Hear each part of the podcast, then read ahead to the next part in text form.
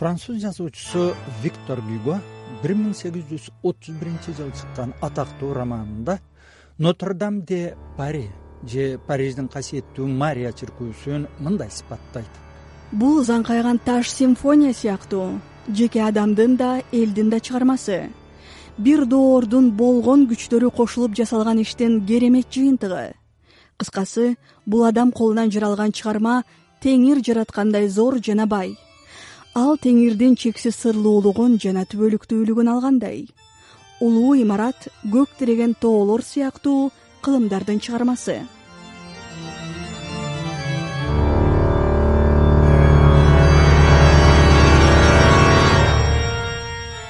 Виктор гюго париждеги нотр дам чиркөөсү романын адамдардын сүйүүсүн сулуулугун жана кемчиликтерин көрсөтүү үчүн гана эмес парижди кооз жана заманбап кылабыз деген ошол кездеги эр кулдардан нотр дамды буздурбай сактап калуу үчүн да жазган.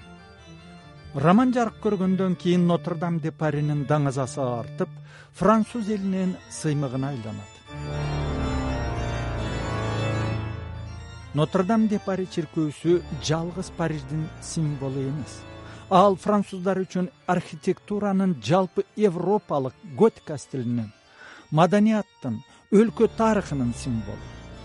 Бул чиркөө көөнө замандан калган ибадаткананын ордунда бир миң бир жүз алтымыш үчүнчү жылы тургузула баштап бир миң үч жүз кырк бешинчи жылы бүткөн.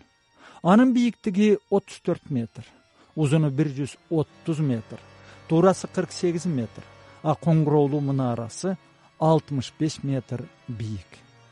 Чиркөөнүн он үчүнчү кылымда курулган учу кууш мунарасынын көк умтулган найзасы европадагы үлкөн сыйынтканалардын төбөсүнө курулган эң алгачкы шпилдердин бири. Сегиз кылым карыткан чиркөөнүн биз билген келбетинин жаралышына көптөгөн усталардын колу тийген. Анткен менен жан де шел жана пьер де монтрей негизги архитекторлор деп саналат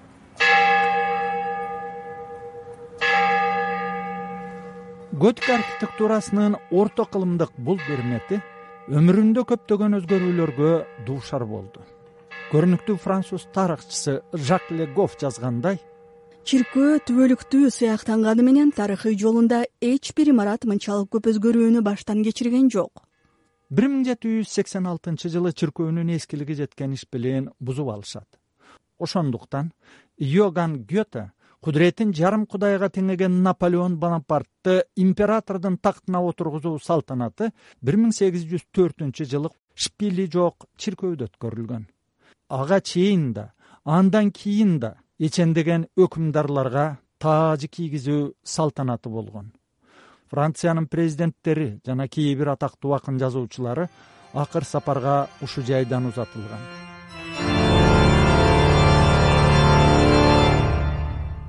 нотр дам чиркөөсүндөгү эң алгачкы арган бир миң төрт жүз үчүнчү жылы орнотулган.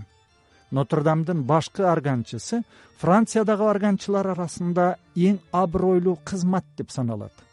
Чиркөөнүн он бешинчи апрелдеги өрттө кыйраган токсон алты метрлик шпили сырткы бетиндеги жомоктогу жандыктардын кебетелери бир миң сегиз жүз кырк төртүнчү жылы башталып жыйырма беш жылга созулган реконструкция маалында жасалган шпилди тегерети он эки апостолдун коло скульптурасы жана канаты бар төрт башка баштуу тетраморфтун фигурасы орнотулган.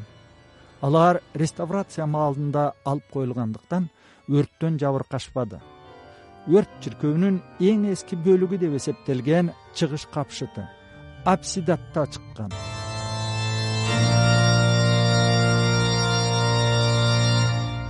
архитектуралык өзгөрүүлөргө карабай нотр дам де пари француздар үчүн ишенимдин жана улуттук сезимдин толтосу бойдон кала берди.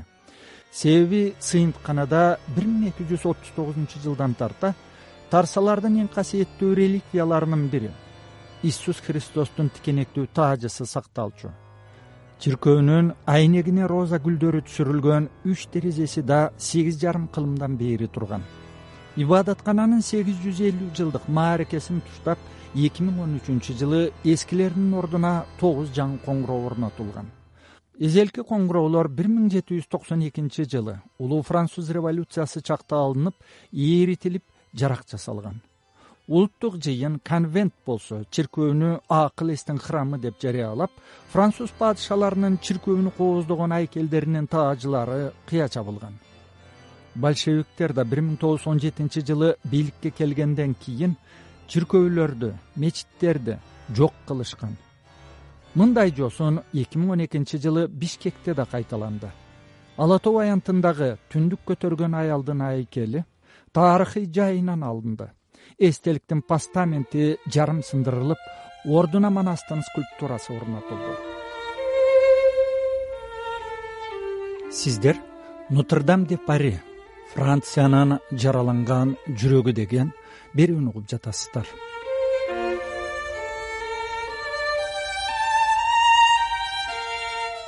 Өрт маалында сена дарыясынын жээгине чогулган миңдеген париждиктер жана туристтер жүздөрүн жаш чайып мемиреп турушту кээ бирөөлөр католик ырларын ырдап франциянын эмблемасын сакта деп касиеттүү марияга жалбарышты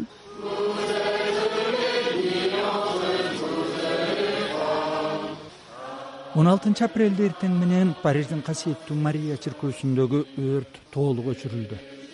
Өрттүн кесепетинен чиркөөнүн купасы терезелеринин гүлдүү айнектери сааты жана эмен шпили кыйрады.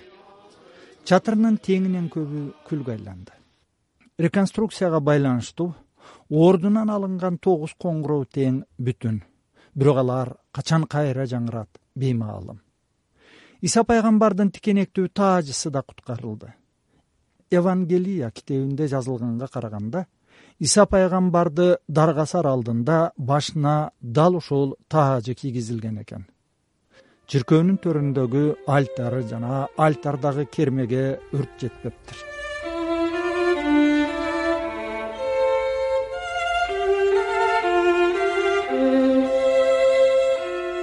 нотрдам чиркөөсүндө өрт чыкканы тууралуу алгачкы кабар өрт өчүрүүчүлөргө париж убактысы боюнча алтыдан элүү мүнөт өткөндө түшкөн чиркөөнүн коопсуздук кызматы алты жыйырмада сигнализация чырылдаганын угуп тилсиз жоону өздөрү жайгармак болот жана туристтерди сыртка чыгара баштайт. Алар өрттүн очогун жыйырма үч мүнөт бою табышпайт. Ошондо гана өрт өчүрүүчүлөрдү чакырышат өрт кайда чыкканы жети саат кырк үч мүнөттө сигнализация экинчи жолу чыңыргандан кийин гана аныкталат. Бул чакта өрт имараттын үстүңкү бөлүгүнө жайылып кеткен эле. сегиз жүз элүү алты жылдык тарыхында эчен согушту баштан кечирип бирок заң кайган келбетинен жазбай турган нотрдам де паринин өрттөн жабыркоосун дүйнөлүк массалык маалымат каражаттары жапырт чагылдырды француздардын эки кылымдык тарыхы бар фигаро гезити өрттү апаат деп атаса католиктердин крокс гезитинин биринчи бети гүлдөгү жүрөк деген бажырайган жазуулар менен чыкты. Нью йоркто чыкчу эл аралык wall street journal гезити готикалык стилдеги эң ажайып чиркөөнүн өрттөн кыйроосу дүйнөлүк маданият үчүн чыныгы катастрофа болду дейт. Британдардын independent гезити шпиль кулаганда аны менен кошо бүт дүйнө кулагандай көрүндү көчөдө париждиктер ыйлап жатты. Бүт дүйнө да ыйлап жатты деп жазса гардиан гезити франциянын жүрөгү жана европанын жаны күтүүсүздөн душмандык менен жулунуп алынды деп өксүдү.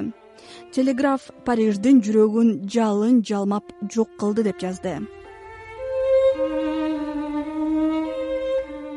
Нотрдам депарини калыбына келтирүү үчүн кайыр садага чогултуу башталды президент эммануэл макрон он алтынчы апрелдеги кайрылуусунда биз чиркөөнү кайра курабыз. Ал мурдактан да кооз болот. Мен бул жумуштар беш жылда бүткөнүн каалайм. деп сөз чиркөөнү калыбына келтирүүгө алгачкы күндөрү эле бир миллиарддай евро чогултулду франциянын бизнес чөйрөсү жети жүз элүү миллион евро чегеришкенин франс жыйырма төрт телеканалы маалымдады франциялык ишкерлер бернард арнонун үй бүлөсү эки жүз миллион евро. Лилиан бетенкурдун үй бүлөсү эки жүз миллион евро. Бизнесмен франсуа анри пино бир жүз миллион евро садага чапты. Тотал газ концерни да жүз миллион евро берди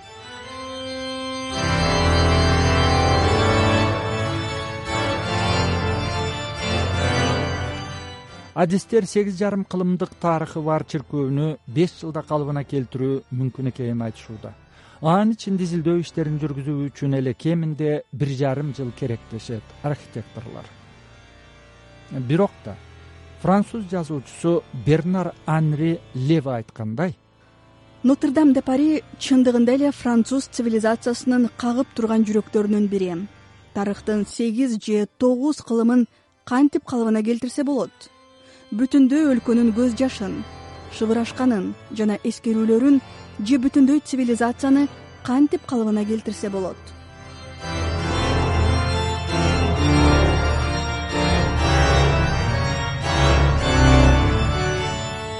Ооба нотр дам де пари өлбөдү. Бирок чынынын сыныгын канчалык бүтөсөң да бүтүн чыныдай болбойт эмеспи. Ошонун сыңары нотр дам чиркөөсүнүн келбети да кайра калыбына келтирилгенден кийин эки миң он тогузунчу жылкы улуу өрткө чейин жана эки миң он тогузунчу жылкы улуу өрттөн кийин деп сыпатталчу болоору айкын